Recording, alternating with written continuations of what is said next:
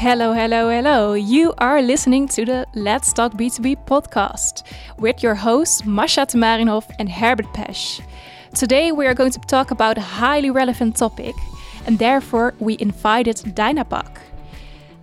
Freddy Lesmeister will be there to talk about spare parts in the aftermarket and we are very excited.